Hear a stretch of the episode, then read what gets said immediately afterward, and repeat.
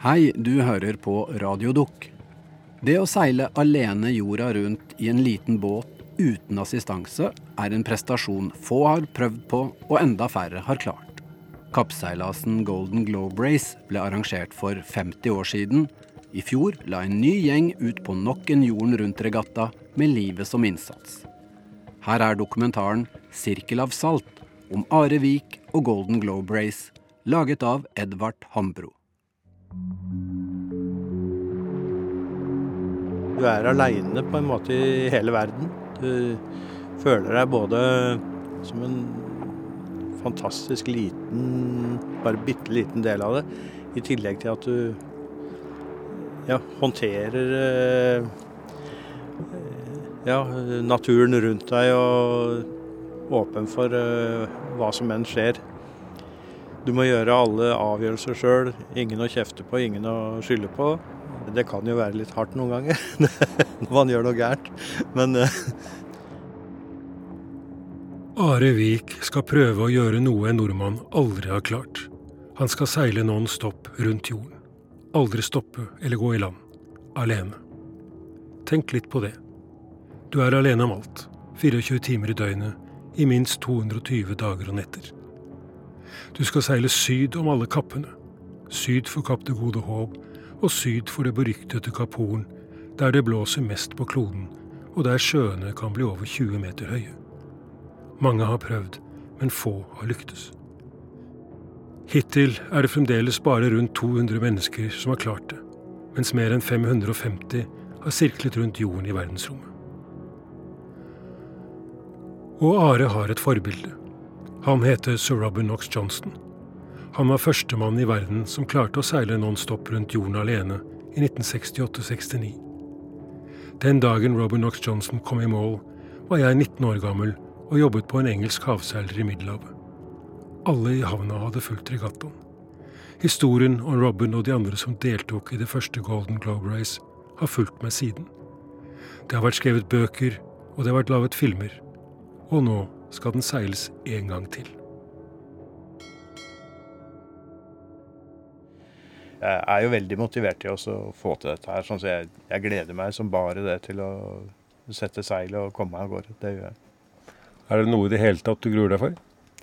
Ja, det er det. Det kommer til å oppleve sannsynligvis eh, mye dårligere vær enn det jeg noensinne har, eh, har seilt i. Jeg har jo rota rundt i mye ruskevær før, men eh, det er vel større sjanse for å gå rundt bl.a. Og jeg gruer meg virkelig til det hvis det skjer. Det, det gjør jeg. Vi er i Hvile havn utenfor Oslo. Han gjør de siste forberedelser før han kaster loss. Jo, vi går herfra klokka 20. Ja. Så skal vi eh, laste om bord en del mat og sånn eh, på veien.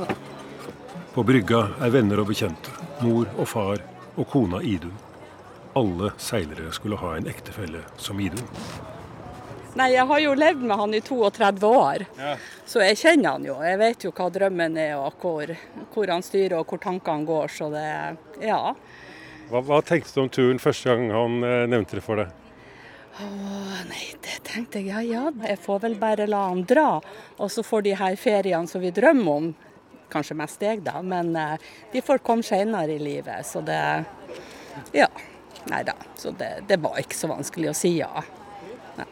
Det, vi lever en gang, og vi må av og til bare leve ut. Så var det, var det jeg som skulle være kona hans og si ja, så ble det bare sånn. Ja. Når jeg seilte Osdal, da sa jeg til meg sjøl at jeg skal aldri seile over eh, lange havstrekk med så liten båt igjen.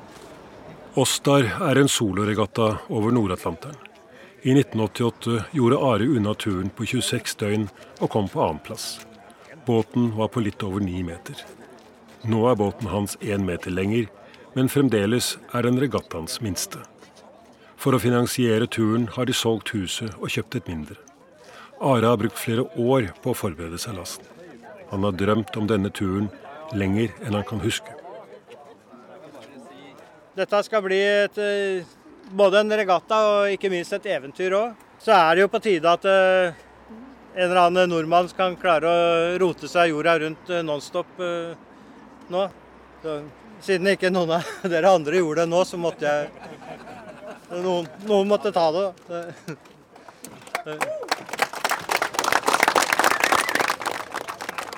Og så, to minutter over åtte, kaster Are Ross. Foreløpig går alt etter planen.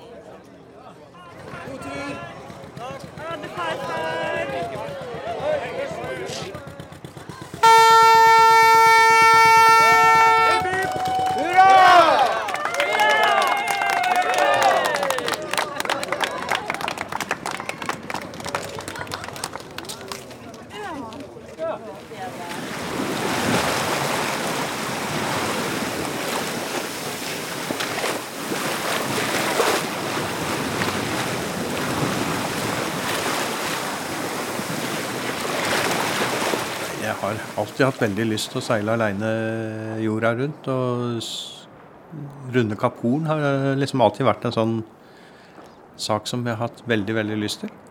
Og nå har liksom sjansen budt seg å gjøre det. Og når jeg er f.eks.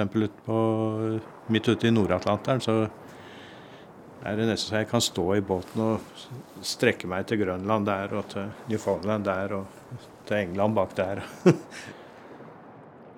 Forskjellen på Golden Globe Race og en familieseilas rundt jorden er at familieseilasen tar snarveien gjennom Panamakanalen, ikke den lange veien rundt hele Sør-Amerika og det stormfulle Kapp Horn.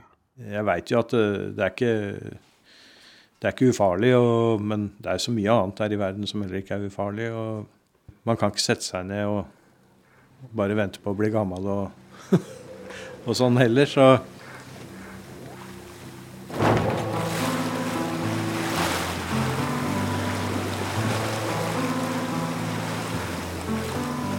Starten går fra en liten by på Frankrikes vestkyst som heter Le Sable de Lomme. Men først skal alle de 18 deltakerne ta en pilegrimstur til Falmouth i Sør-England. Jeg kaller det en pilegrimstur, for det var her han startet og her han kom i land. Mannen som vant den første Golden Globe-regattaen, som ble arrangert for nøyaktig 50 år siden. Nå har han fått tittelen sir Robin Knox Johnson. Han var førstemann som klarte å seile alene non-stop jorden rundt. Don't expect it to be easy. Um, so if it gets a bit tough from time to time, well, that's it. That's part of it. That'll be tough for other people as well. just press on, just keep going. And things get difficult, well, we'll fix it, we'll sort it. But, you know, why am I here? Because this hasn't been done. Why am I trying to do it? Because it hasn't been done. I want to be the first. Simple as that. Sir Robin har skrevet seg inn i historien og er blitt en legende blant havseilere. Det er for å feire ham og de andre våghalsene fra 1968 at denne regattaen nå arrangeres. Mannen som kom på ideen, er den australske eventyreren og seileren Don McIntyre. Oh well, Robin's been a huge inspiration for me since I was a teenager. Basically, the incredible guy. He's got time for everyone. He's very generous with everything. Always smiling, fit as a fiddle, and he's heading towards 80. And and uh, uh, it's incredible that we're even standing here talking about it 50 years later, and and he's still out there sailing. Historien om den første regattaen jorden rundt nonstop er fantastisk. Den engelske avisen Sunday Times var arrangør. Det var to regler. Du måtte seile fra og komme hjem til samme havn. Og du kunne starte når du ville mellom den 1. juni og den 31. oktober 1968. Med en start som straks så over fem måneder, var det naturlig med to priser. Én for første i mål, og én for raskeste båt. Ingen visste om det lot seg gjøre om båtene ville tåle turen, om du ville bli gal etter ca. 300 døgn alene på havet uten kontakt med et eneste annet menneske. Bare én mann skulle komme i mål, Robin Knox Johnson. Den gangen var han 29 år gammel, profesjonell sjømann og seilte en liten 32 fot spisskatter inspirert av Colin Archer, båtbyggeren fra Larvik som hadde konstruert de norske redningsskøytene. Uh, therefore, there was no tracking as we know it. But once you set off, if you have a radio and get through, you disappeared. You went into the blue until you turned up somewhere.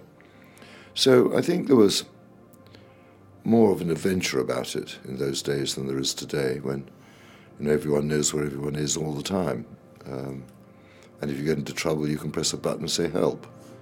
Robin hadde den fordelen at han allerede var en profesjonell sjømann, kunne navigere og hadde seilt båten sin helt fra India til Falmouth for å delta. En annen av deltakerne som folk hadde tro på, var franskmannen Bernard Moatissier. Han hadde allerede seilt båten sin tusenvis av nautiske mil på alle verdenshav. He was uh, my main competition, just as I was his. And if anyone was going to get round, it was probably going to be one of us. Because we had the experience, we had the time, sea, we had the miles, we knew our boats. And I think those were huge advantages which not everyone else had. Robin sikter til Donald Crowhurst. Crowhurst var elektroingeniør og hadde konstruert en radiopeiler til å navigere med. Oppfinnelsen hadde kostet penger, og han trengte cash. Han planla å bruke all publisiteten fra regattaen til å promotere denne oppfinnelsen. Han ble sponset av en campingvognforhandler og fikk bygget seg en splitter ny trimaran ved navn Tinmouth Electron. Da båten skulle døpes, nektet champagneflasken å la seg knuse. Hans sønn Simon, som den gangen var åtte år gammel, husker tilbake. It was very exciting, and there were people interviewing us with uh, television cameras. We were at the seaside, which we always enjoyed, um, but um, he he was also, I'm sure, very determined that if it was at all possible to sail, it's something he really, really wanted to do, and it was it would have been humiliating, very emotionally difficult for him to not even set sail. It would have it would have felt like a a crushing failure. So he realised the boat wasn't ready, um, but he was carried along by the dynamic of his own determination, his own longing to get to sea, almost to, to escape, to get away from it.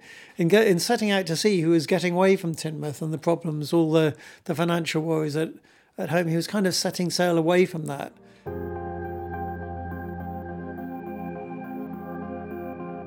Et par timer før fristen gikk ut den 31. oktober 1968, var Donald Crowhurst underveis. Han ble vinket av gårde av kona Claire og sine fire små barn. På brygga sto tusenvis av innbyggere fra Tinmouth og ønsket ham god seilas. Innerst inne visste Crowhurst at han aldri skulle ha satt seil. Um, frankly, I don't think he should ever have gone. I don't think he was the right sort of person to do it. He didn't have the experience he claimed he did, he didn't. Um, his boat wasn't ready. Uh, he got himself into an appalling situation and he couldn't work out how to get out of it. Ruten som alle deltakerne skulle følge, var ned gjennom Atlanteren for å runde Afrikas spiss, deretter videre østover til Australia, så ned til Kapp Horn i Chile og deretter nordover igjen, opp Atlanteren og tilbake til England. Crowhurst skjønte snart at båten hans aldri ville tåle værforholdene i Sørishavet. Han bestemte seg for å seile ned til Brasil og legge seg på vent til de andre hadde kommet rundt Kap Horn og var på vei hjemover igjen. Da ville han legge seg bak dem og komme hjem som andre- eller tredjemann. For å få til dette løy han om problemet med radiosenderen sin. Han sa den var gått i stykker, og at ingen ville høre fra ham på en god stund. Deretter begynte han å skrive en falsk logg ved siden av den korrekte. Én loggbok som liksom beskrev reisen rundt jorden, og én loggbok så han selv kunne vite hvor han var. Tenk deg at du skal dikte opp din egen falske posisjon flere ganger i døgnet i månedsvis. Du skal beregne antatt hastighet og værforhold, og du skal beskrive solens høyde over horisonten på steder du aldri har vært. Han klarte det, men denne øvelsen gjorde ham langsomt nesten gal.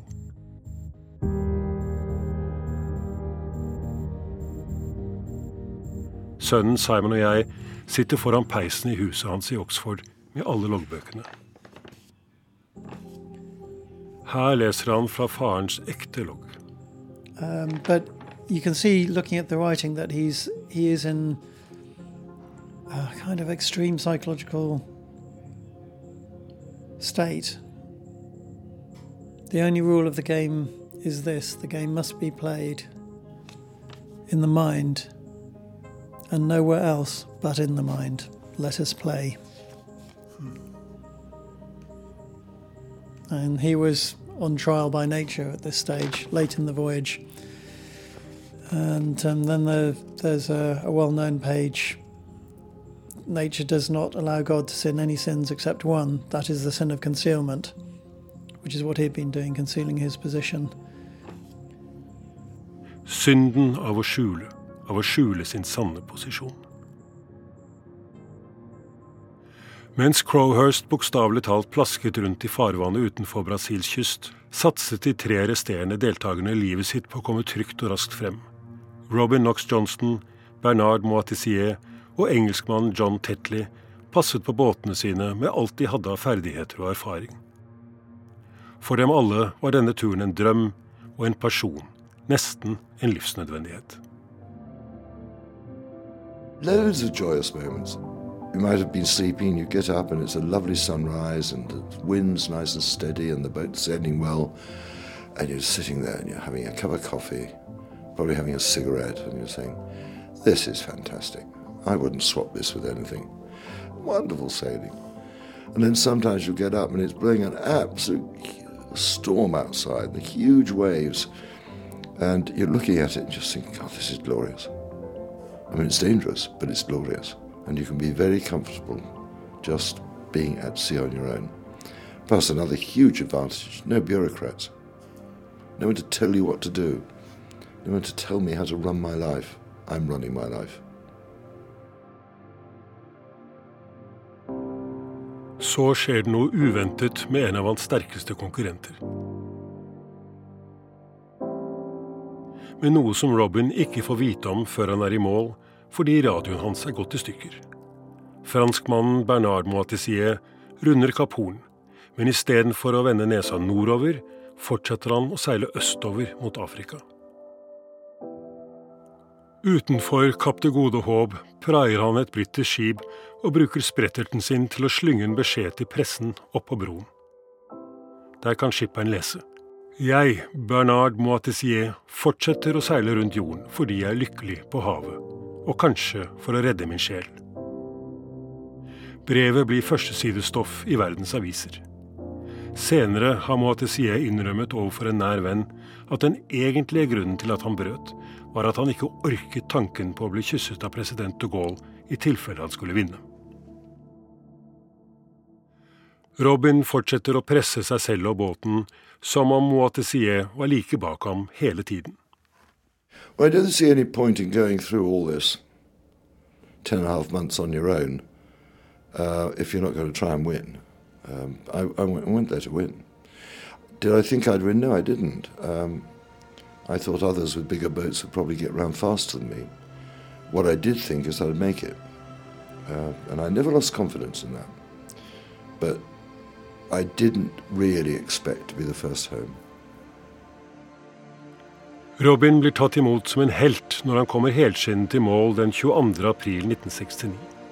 Han har blitt førstemann, alene rundt jorden, non stop, og skriver seg selv inn i historien.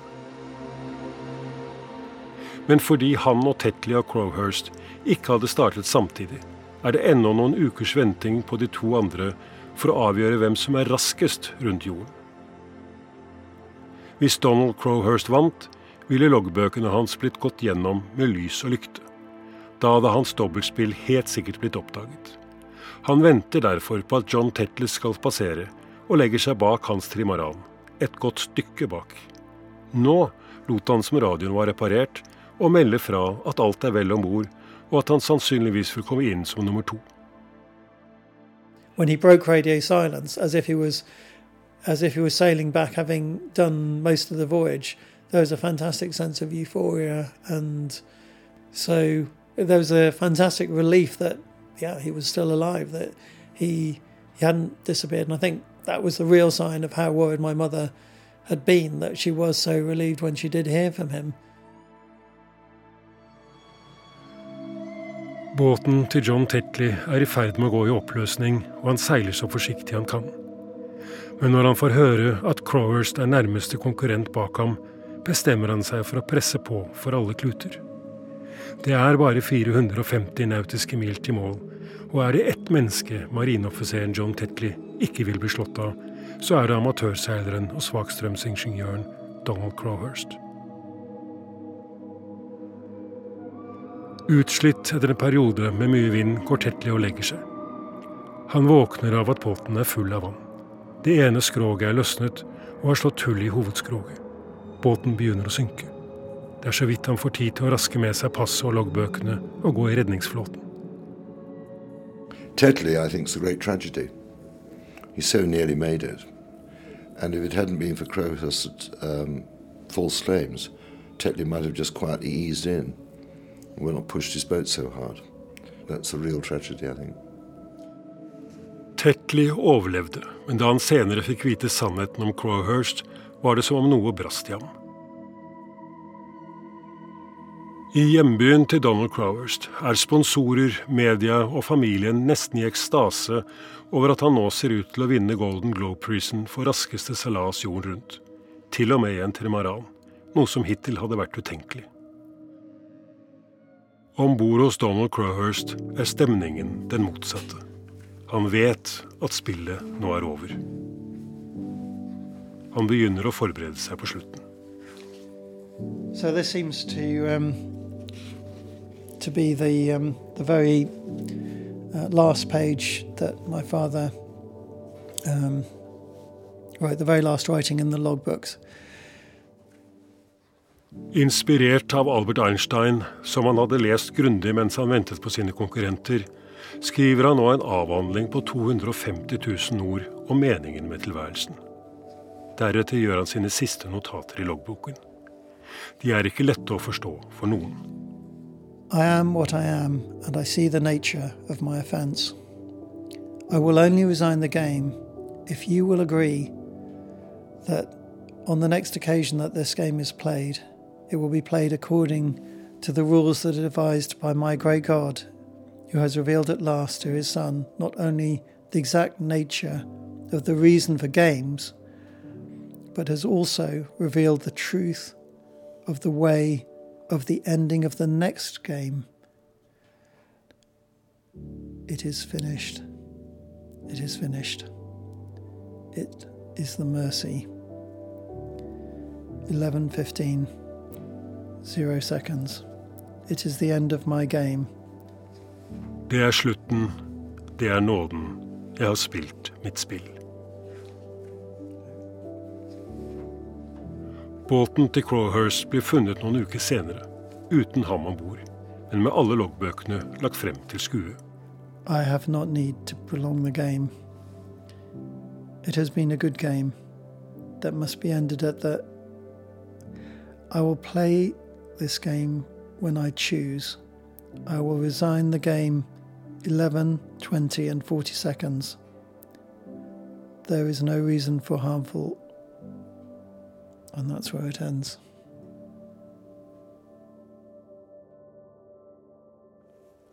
Han etterlater seg konen Claire og fire små barn. Robin ble den eneste som kom i mål, og dermed vant han også prisen for raskeste runding, en sjekk på 5000 pund, ca. 650 000 kroner i dagens verdi.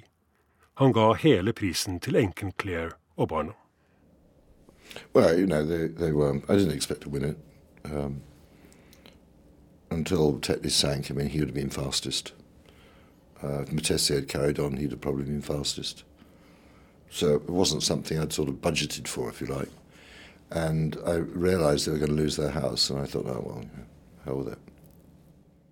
Uh, well, it was just um, a stunning act of, of thoughtfulness and, and generosity that really saved my, my family from destitution.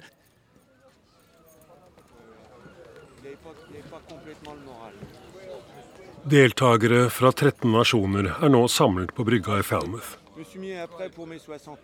Eldstemann er 73 år gammel, og yngstemann er 29. 17 menn og én ung kvinne. Alle har lest om regattaen for 50 år siden. Og allikevel, eller kanskje nettopp derfor, vil de være med.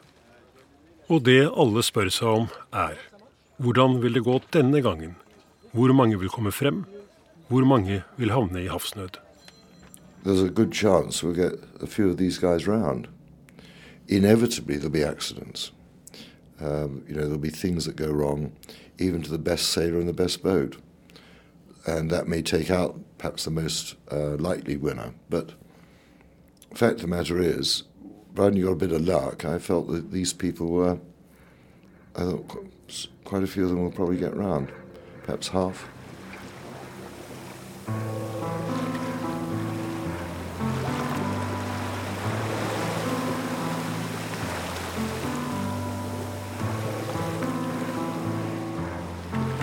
I 1968 var det knapt nok en eneste regel. Denne gangen er det side opp og side ned med regler og bestemmelser. Alle båtene må være på mellom 32 og 36 fot, og de må være designet på 70-tallet eller før. Det er forbudt med moderne navigasjonsutstyr. All navigering må gjøres med sekstant, kompass og slepelogg. Til og med kameraer og båndopptakere må være fra 60-tallet. Vi har utstyrt Are med en skikkelig gammel Nagra båndspiller fra 1966. Den er så tung at den kunne vært brukt som anker. Her er hans første rapport.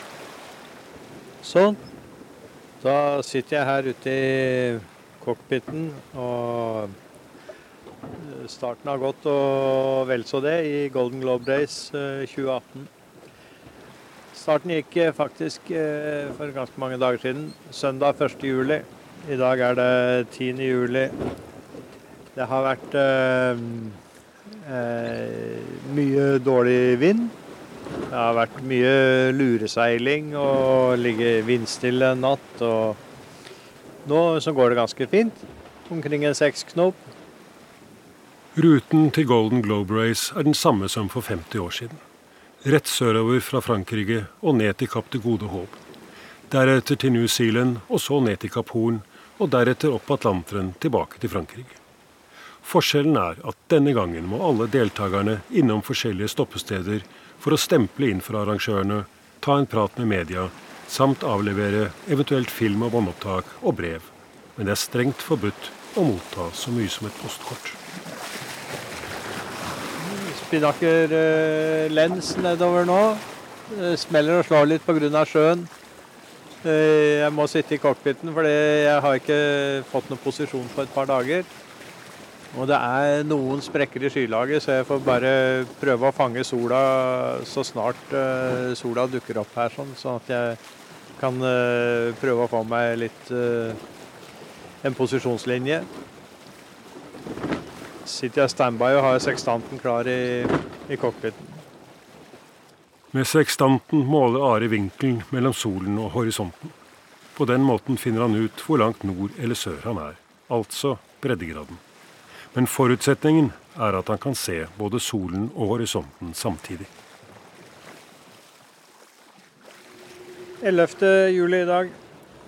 Det er nydelig eh, frisk bris, nordøstlig frisk bris.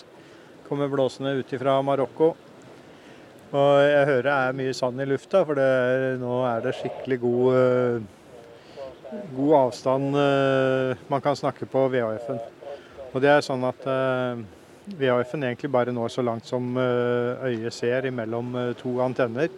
Men med mye sand i lufta så når det mye lenger. Eh, ellers så eh, går seilinga bra.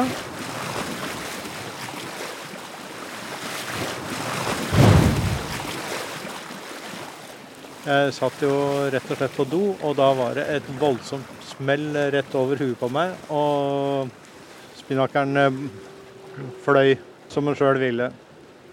Og det betyr eh, 30-40 graders krenging. Bare dra på seg buksa, fly på dekk så fort det overhodet lot seg gjøre, og få tatt ned spinnakeren. Alle båtene er utstyrt med en såkalt tracker. Den gjør at vi hjemme kan følge posisjonen på kartet. Videre er båtene utstyrt med satellittelefon.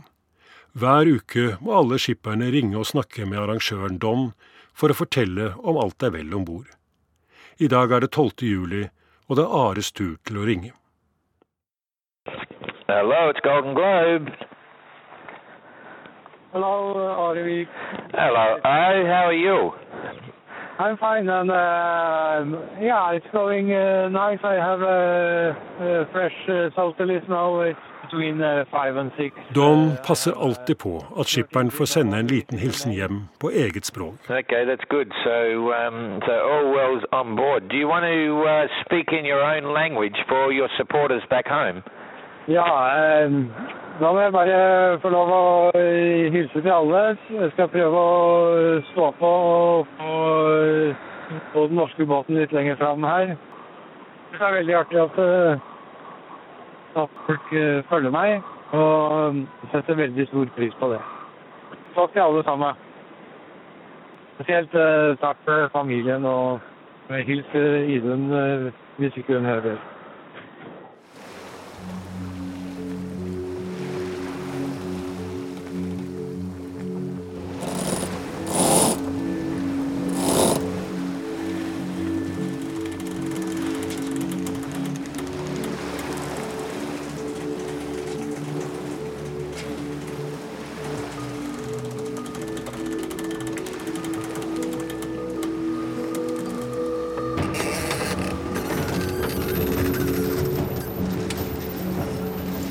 Så nå har det blåst i Dette blir jo da på tredje dagen at det blåser en eh, stiv til sterk kuling. Her eh, braser vi av gårde i riktig retning. Litt slitsomt er det. Båten slingrer noe forferdelig med vinden rett aktafra. Det er egentlig ikke veldig mye annet å gjøre enn å ha små seil oppe og, og la båten eh, gå i den retningen vi skal.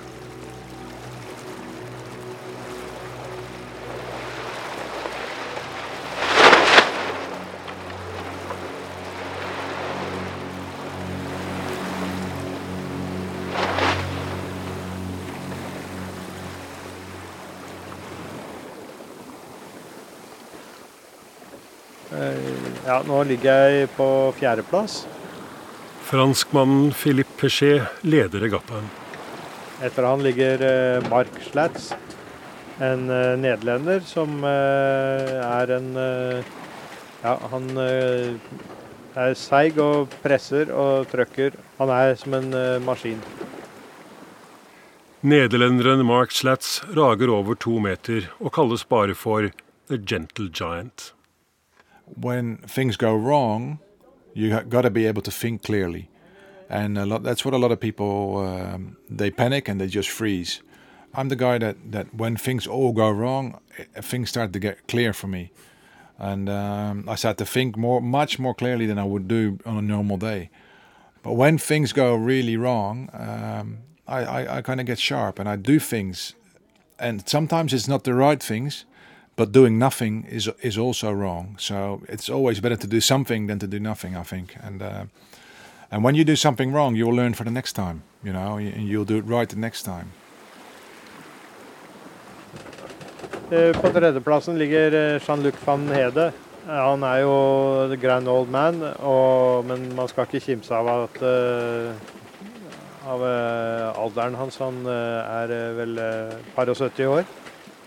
You have been sailing now for many, many, many years. And, Yes, because I am old. I am 73, but only on my identity card. You know, in my mind, uh, I am not exactly 73, so I know that I am uh, less stronger, that I am. Uh, there is things which are more difficult now uh, uh, for me. Uh, I, I see that, but. um I think the most important thing is not the physical part, is the mind. It's better to be strong in your head than to be strong in your muscles. Like bak meg ligger uh, Susi Godal, eh, eneste jenta i, i seilasen. Number one goal is to get around. I really want to. I want to finish it without stopping. You know, non-stop solo unassisted. That's number one. And if I come in, you know, last place doing that, then so what? I achieved what I wanted. There is a chance to be a little bit competitive, but then at the end of the day, I'm up against some incredibly experienced sailors. You know, one that's been around the world five times and uh, record holders. So um, yeah, it's going to be interesting. Do you think that this race, once it's over, will change you? Oh yeah, yeah. I don't think you can sail around the world and by yourself for that length of time and not be changed by it. How I don't know. Um, I, yeah, I think everyone, anyone that does uh, a voyage, even a short, you know, a month on their own, I think is changed in some way. Yes, hello, Are Olavma calling. Hello, Are. How are you? I'm fine, very fine. Yeah, good. Okay, so um, your tracker is working well, and we sent you that high seas uh, alert because the sea's going to build um, because it's the first one. But anyway, uh, it'll get windy. You probably already know. Yes, I understand. I, I, I'm ready for the gale here. Nå eh, nærmer vi oss 40-gradene, eh, og der er det jo mye mer eh, uvær. Stiv og sterk kuling nå rett syd her. Bølger på fem-seks meter, og det kan godt bli, bli, mye mer. Så jeg nærmer meg med både både litt glede og, og respekt og, og, litt redsel eh, for å begi meg inn i det området der sånn.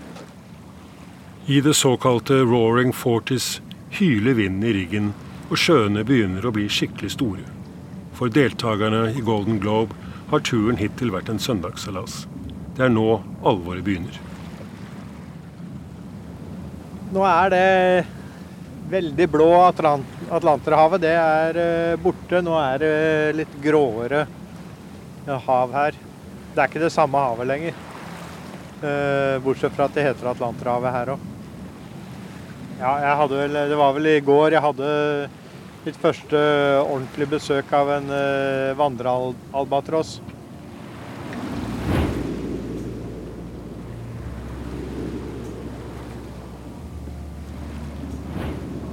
den fantastiske store fuglen var så nære at jeg kunne se den inn i øya. Det var eh, akkurat som at den eh, sa velkommen til meg her nede.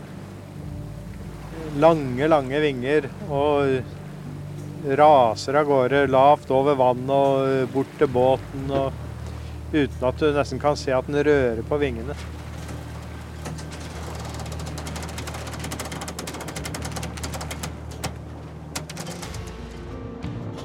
Alle vet at denne seilasen ikke er helt ufarlig.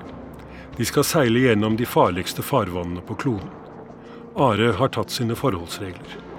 Før han dro, fikk han advokathjelp til å sette opp et testamente. Der ble det gjort klart at Idun kunne selge det nye huset og disponere over midlene hans hvis han gikk over bord. Hun behøvde ikke å vente på en offisiell dødserklæring hvis ikke hun ville. Sånt kan nemlig ta lang tid. Eh, syv uker i sjøen.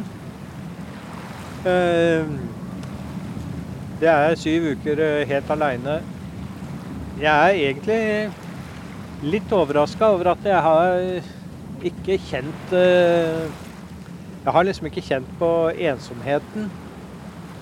Man har jo blitt så gammel at Gammel oss er at man trives godt i sitt eget selskap, tenker jeg. Nå ser jeg båndet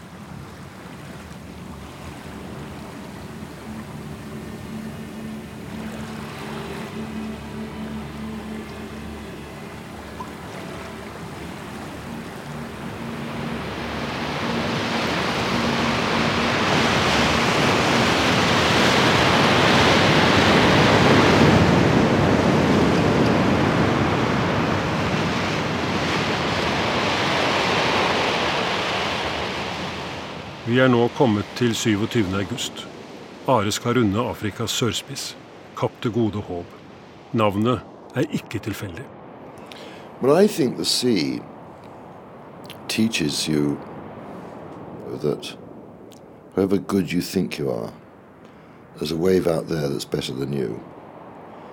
And there could be the storm that's going to get you. We, we all know that. All you can do is just hope that if you get that storm, you can deal with it. It's, um, it's all powerful. Fem av deltakerne har allerede brutt seilasen, men ingen pga. dårlig vær. Det skal nå forandre seg.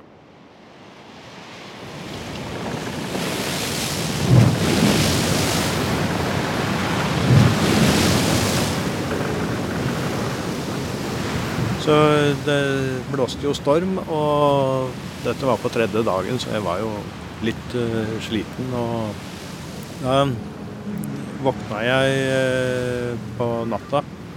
Det var mørkt, og jeg kjente at båten uh, bevegde seg helt feil. Og jeg sov da i, bare i regntøyet, for det, det var ordentlig uvær, så jeg var hele tida klar til bare fly på dekk med en gang. Det var noe gærent med styringa, og det var jo vindroret da som hadde, hadde blitt ødelagt. Vindroret er et ekstra ror som henger helt bak på båten og blir styrt av vinden, ikke kompasset. Vindroret er det som gjør at Are kan få seg litt søvn, spise, navigere.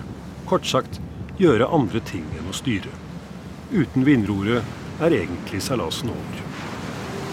Jeg måtte opp på dekk og styre, og da var det ennå mørkt. Og jeg, jeg, hørte jo bare det buldra rundt meg når bølgene brøyt rundt meg. Og fant ut at her må vi bare sette deg ned og styre, for det, det var veldig stygg sjø. Så lysna det, og da fikk man jo sett sjøen litt mer. Og men det, det, var jo høy sjø, sånn omkring ti meter eh, på de andre, og mange krappe bølger som er høyere enn det. Og jeg turte ikke å ikke ha styring på båten, fordi jeg var redd for at det skulle vippe meg rundt. Are må henge over rekka for å demontere vinduer. Så legger han båten på været, går ned i salongen og finner frem skrustikka og begynner å reparere delene. Og... Um alt var egentlig bare fryd. Det var, eh, det var ikke så dramatisk først. Det var bare at du kjente at her kommer en skikkelig sjø.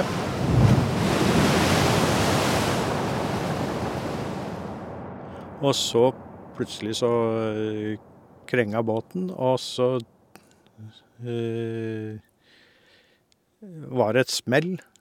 Da skjønte jeg egentlig ikke hva som skjedde. Og da var det jo at jeg landa på huet øh, ned i Bølgedalen. Og jeg gikk som en torpedo gjennom uh, luka som var over meg, og reiv av uh, hengsler og treverk der. Og havna oppi den faste sprayhuden. Den faste sprayhuden er et lite hyttetak han har bygget over nedgangen til båten, som gir ham ly for sjø og vind. Det er nå det eneste som stopper Are fra å forsvinne ut i det opprørte havet.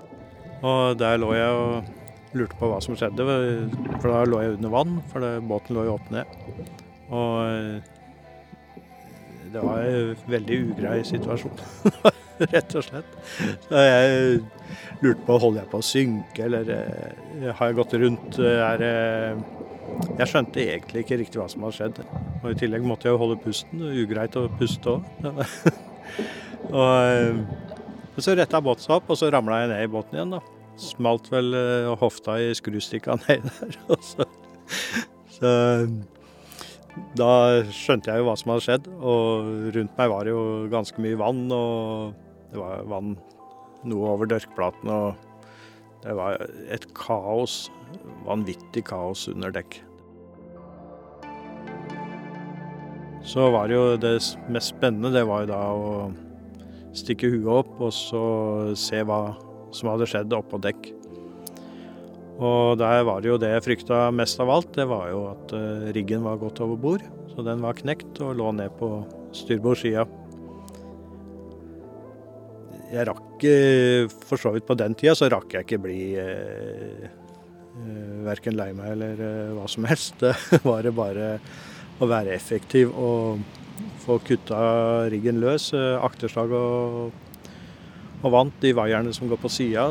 Og så lot jeg riggen henge inn igjen i eh, de to forslagene, eh, sånn at riggen virka som et drivanker.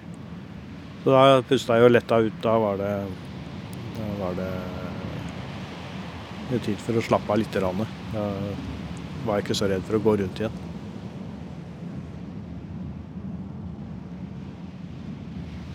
Så da var det jo ta og melde fra til regattakontor og til Da brukte jeg også eh, satellittelefonen som vi hadde til nødbruk, og ringte til Idun og fortalte at dette her hadde gått gærent. Ja. Don forteller at Are insisterte på at dette ikke var en nødsituasjon. Han hadde mistet riggen, men ville klare seg selv. Han trengte ikke assistanse. Eh, Da var jeg eh, rett og slett litt nedfor. Det var innmari synd. Jeg hadde jo jobba i flere år for å komme meg til regattaen, og plutselig var det bare bråstopp, eh, ikke mer. Da skjønte jeg at det, nå, båten er såpass skada, hovedskottet var sprekt, det var bare splitta i to. Og eh, det var masse sprekker i overbygget på båten, og noen sprekker i cockpit, og det var Jeg var skikkelig ødelagt. Så jeg skjønte at eh, selv om jeg kom meg en eller annen plass og fikk tak i en ny rigg, så kunne jeg ikke legge ut med den båten igjen. Så og vondt i huet hadde jeg etter å ha torpedert denne luka, så da Ares båt var den første som kullseilte og mistet masten. Dagen etter løyet vinden, og Are fikk rigget til en nødrigg. Så seilte han de 400 nautiske milene tilbake til Kapp til Gode Håp. Underveis snakket han igjen med regattaarrangøren Don McIntyre. I'm uh, I'm out of the race, but uh, it has been great uh, in a way. Uh, Yeah. but, uh, the, the, sea is uh, the sea, and uh, I know the sea. I uh, have been uh, sailing since I was a child, and the seaman since I was 17 years, and uh, I know I know the sea. Uh, and uh, the sea is uh, is what it is, and it's uh, honest and it's uh, uh, brutal uh, some sometimes. But, uh, uh, it's not. Yeah, yeah. Okay. Well, there's uh, there'll be things are organised when you arrive. There'll be people to meet you and so on. So, uh, so that's all good. And as you know, the weather is pretty stable now. Um, so, and you're quite close. You've made good ground. So, it's not far away now, eh? No, thank you. I um uh, I'm uh, just uh, glad I'm uh, okay and uh, and uh, So are we. and so that's uh, that's good. yeah, yeah, exactly. You, you've done a great job. So, uh, good ambassador for the Golden Globe race. So, thanks for that. Yeah, thank you. But, uh, Yep. I was so impressed the way he handled what went wrong. Um, you know, he was totally calm, totally sensible, didn't cry for help, said, all right, I can look after this. I think he, um, he upheld the best standard you would like to see from single-handed sailors. I mean, A, I liked him, but B, I, I admire him even more now, the way he behaved after he got dismasted and damaged. I thought he was excellent. Are blir tatt godt imot av havnesjefen i Cape Town. Han slikker sine sår og rydder som best det lar seg gjøre. Så kommer Idun. Der kan du. Der, ja.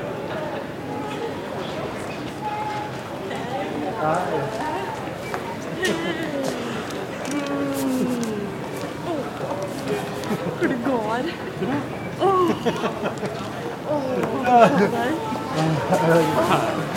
Det er, det er veldig godt å ha de man er Folk man er glad i rundt seg. Ja. Ja. Det kan bli litt stusslig når du sitter aleine i båten der og alt er vått og, og du er helt aleine. Ja, ja. Etter at de resterende deltakerne er kommet rundt Kapp til Gode Håp, følger en serie med kullseilinger og mastebrekk.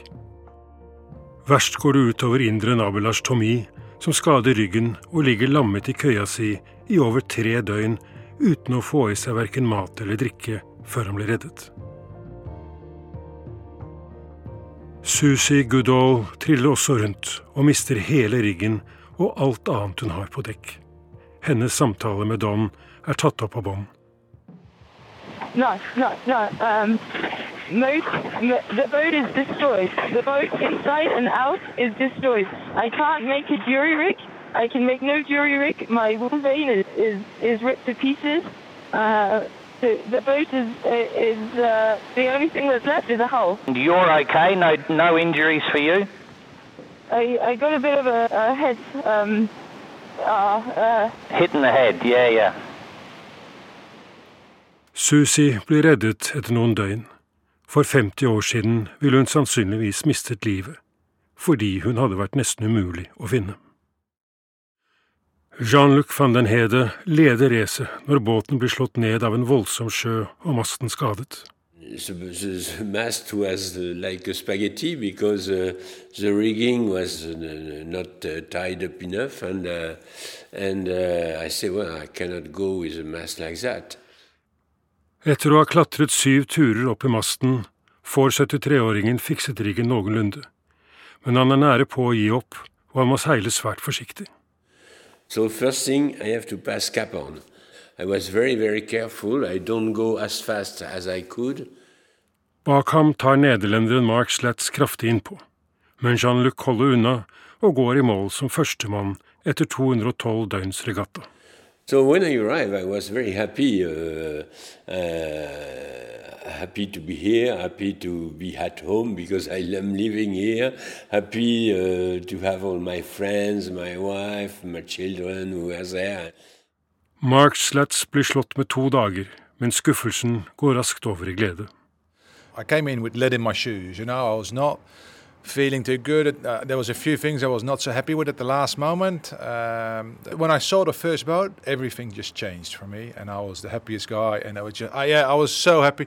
And uh, of course, I was. Uh, um, I was racing against Jean Luc, and I was, and, and I was, uh, yeah, he was not the, the guy I wanted to see first. But to be honest, when I came in port, every the race is over. I was changed, and he's a, I had a great time with him, and it was yeah, and, and the French people are great, and it was all good. It's and it's been just one big party for the last two and a half months. Kun fem av 18 deltakere fullfører Golden Globe-regattaen. Sistemann bruker over 100 dager mer enn Mark og Jean-Luc. Prisutdelingen foregår i Les Sables de Lon. På dagen 50 år etter at Sir Robin kom i mål, er det Jean-Luc van den Hede som hylles som seierherre. S'il vous plaît, chers amis Sablais, je vous demande une ovation pour monsieur Jean-Luc Van.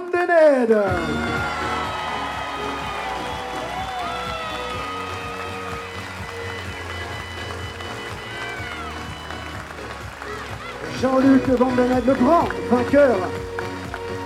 Le grand vainqueur de cette Golden Globe. S'il vous plaît, messieurs, dames, une ovation.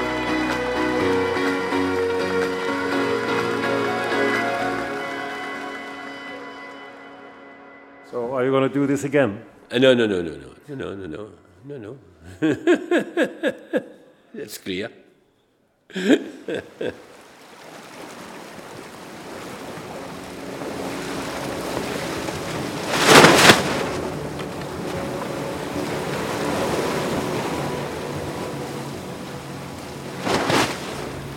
Det sto i invitasjonen til Sørlandshavet at eh, kjære Are, kom hit og seil. Så det er ikke mange som vil komme hit. Det er fordi vi gir dem juling alle sammen. Og samme hva du gjør, så hjelper det ingenting. De banker har likevel. og, hvorfor, og hvorfor i alle dager man vil det? For 80 år gamle sir Robin er det viktigste i livet å tørre å utfordre seg selv og havet. But if someone comes along and says they want to do it, I'd say, go for it. You don't want to be 90 looking into a mirror and saying, I wish I'd done it. You want to be 90 looking in the mirror saying, I'm glad I did that.